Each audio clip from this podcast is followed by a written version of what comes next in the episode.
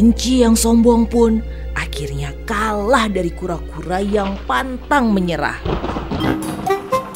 Aum, teriak singa sang raja hutan pada kawanan pemburu jahat tersebut. Ajarkan cinta dan banyak hal lain dengan mendongeng bersama anak. Ayo mendongeng.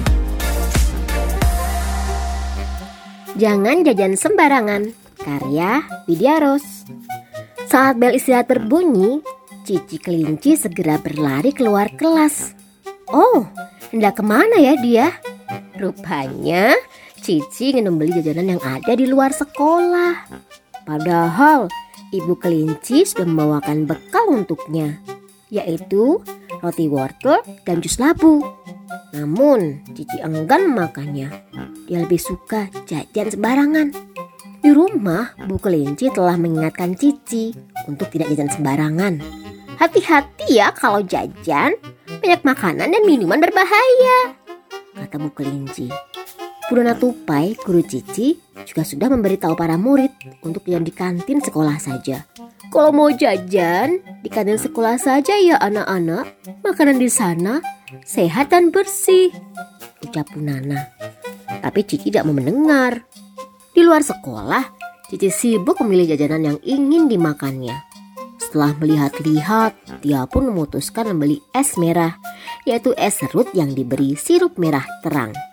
Hmm, enak sekali, segar. Tidak lama, bel berbunyi.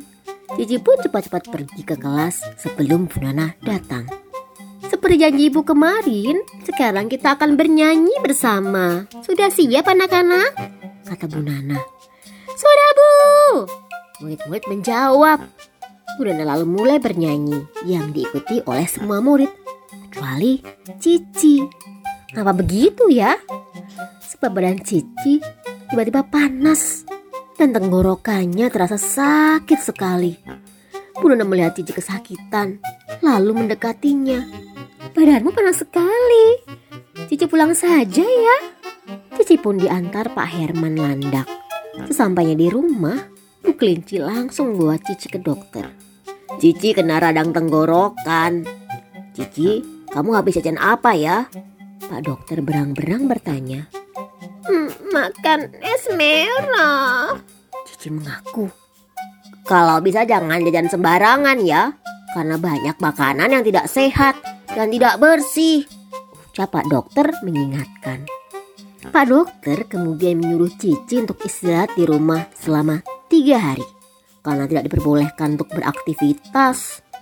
Lama kelamaan Cici jadi bosan. Maka nggak heran kalau Cici jadi sangat senang saat sudah sembuh dan boleh ke sekolah lagi. Setelah merasakan tidak enaknya sakit, Cici kini sudah tidak jalan sembarangan lagi. Dia selalu makan bekal yang dibuatkan ibu kelinci. Tapi walaupun begitu, terkadang Cici ingin sekali jajan di luar lagi.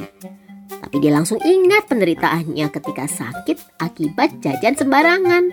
Keinginan itu pun akhirnya lenyap seketika. Dia nggak mau dan lagi sembarangan. Dia hanya makan bekal dari ibunya atau membeli dari kantin sekolah yang sudah terjamin kesehatannya. Ayo mendongeng, persembahan dari Female Radio. Love Life, Love Your Children.